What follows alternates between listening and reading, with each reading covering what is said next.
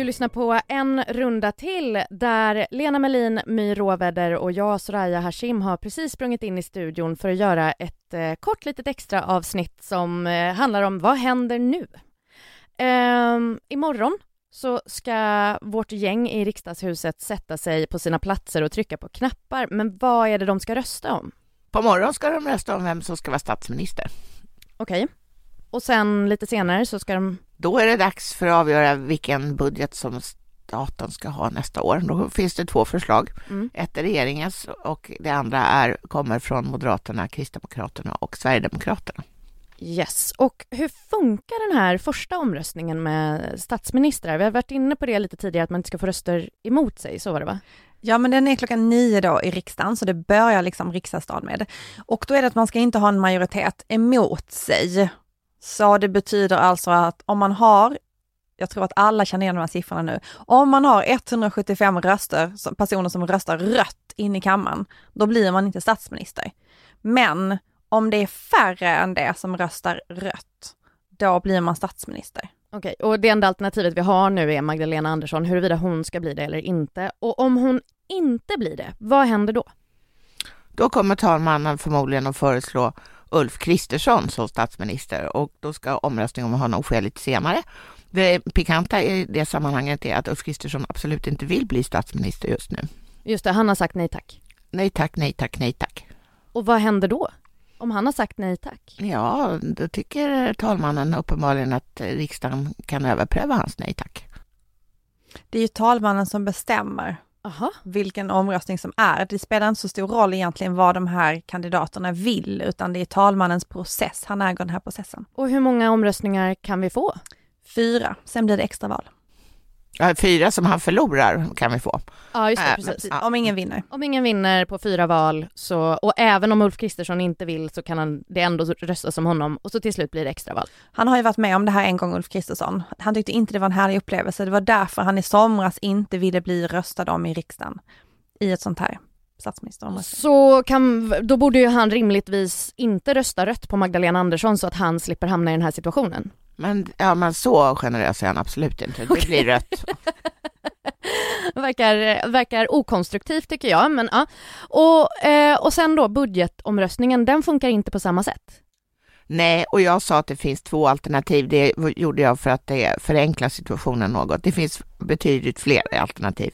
Men i slut, den sista voteringen, så kommer de här två förslagen stå emot varandra, så vitt man nu kan bedöma. Och då vinner det som får flest röster. Och röstar man om den ena först och sen den andra, eller röstar man på båda samtidigt? Ja, i slutvoteringen röstar man på båda samtidigt, alltså det vill säga man väljer vilken man lägger sitt, sitt ja till. Okej, okay. och vad är den troligaste utgången här på budgetomröstningen? Ja, det är, skulle jag vilja säga, en 10 000 kronors fråga. Det, det, det här liksom knixet är, att man inte riktigt vet vad som händer här nu. Det är det som är paniken, eller? Ja, man vet ju ingenting i någon av omröstningarna skulle jag säga.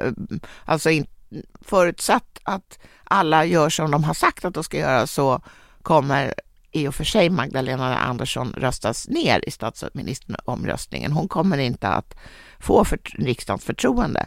Men det är inte säkert att det håller ända till imorgon bitti. Det, det kan man inte vara säker på. Nej, just det, för fram till nu har Nooshi Dadgostar sagt att V tänker rösta rött så länge de inte får igenom den här pensionsgrejen. Ja, och Centerpartiet har sagt att de tänker rösta gult, det vill säga släppa fram Magdalena ja. Andersson.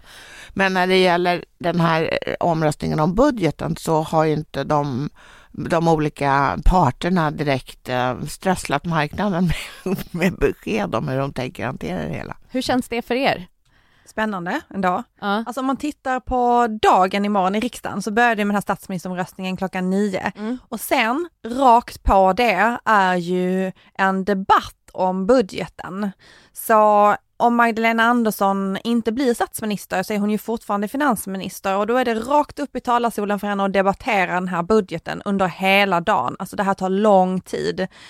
Och omröstningen om budgeten, den är klockan 16 tidigast. Okay. Klockan 16 för att de ska debattera hela dagen.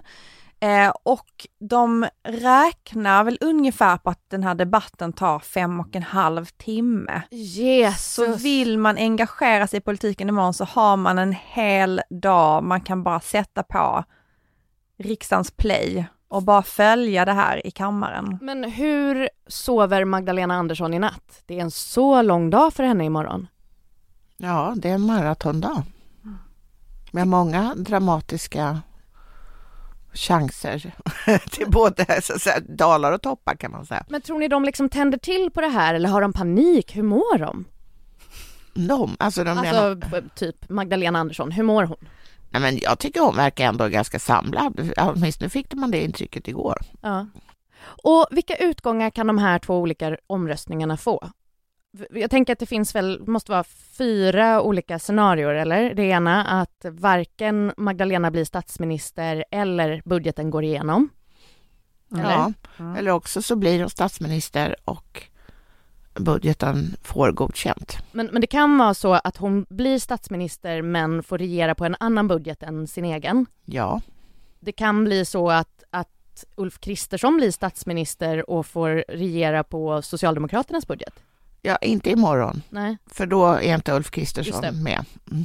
Kan någon annan bli statsminister än de här två? Inte i praktiken. Jag höll på att säga vem som helst kan bli statsminister, men det är ju en otrolig... Kan jag bli statsminister?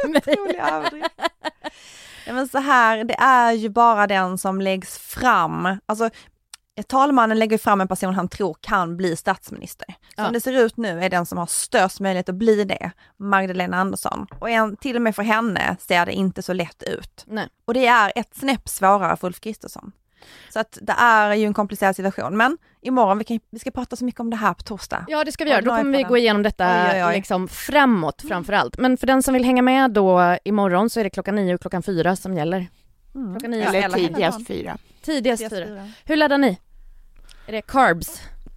Ja, det får man väl nästan äh, lassa in lite grann. Man får ha lite snacks du, har, du har fyllt kylen hörde jag, Lena. Ja, ja jag är beredd på, jag är nästan som en prepper alltså.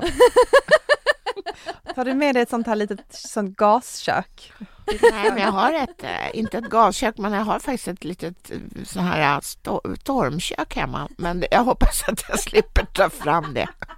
Det finns ju ingenting elakare än när de lägger pressträffar klockan 12 så att inga journalister får äta och för sen kör det igång ja, liksom det. efter det.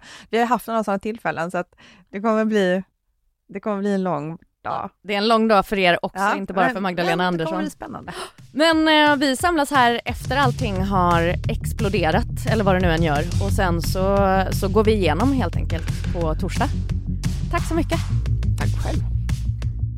Aftonbladets politikpodd En runda till är slut för den här gången. Vi som har gjort programmet är producent Olivia Svensson, experter My Råveder och Lena Melin. Jag heter Soraya Hashim.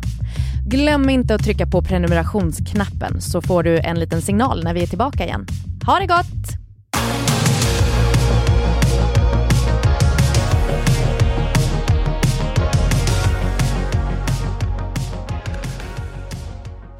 Du har lyssnat på en podcast från Aftonbladet. Ansvarig utgivare är Lena K Samuelsson.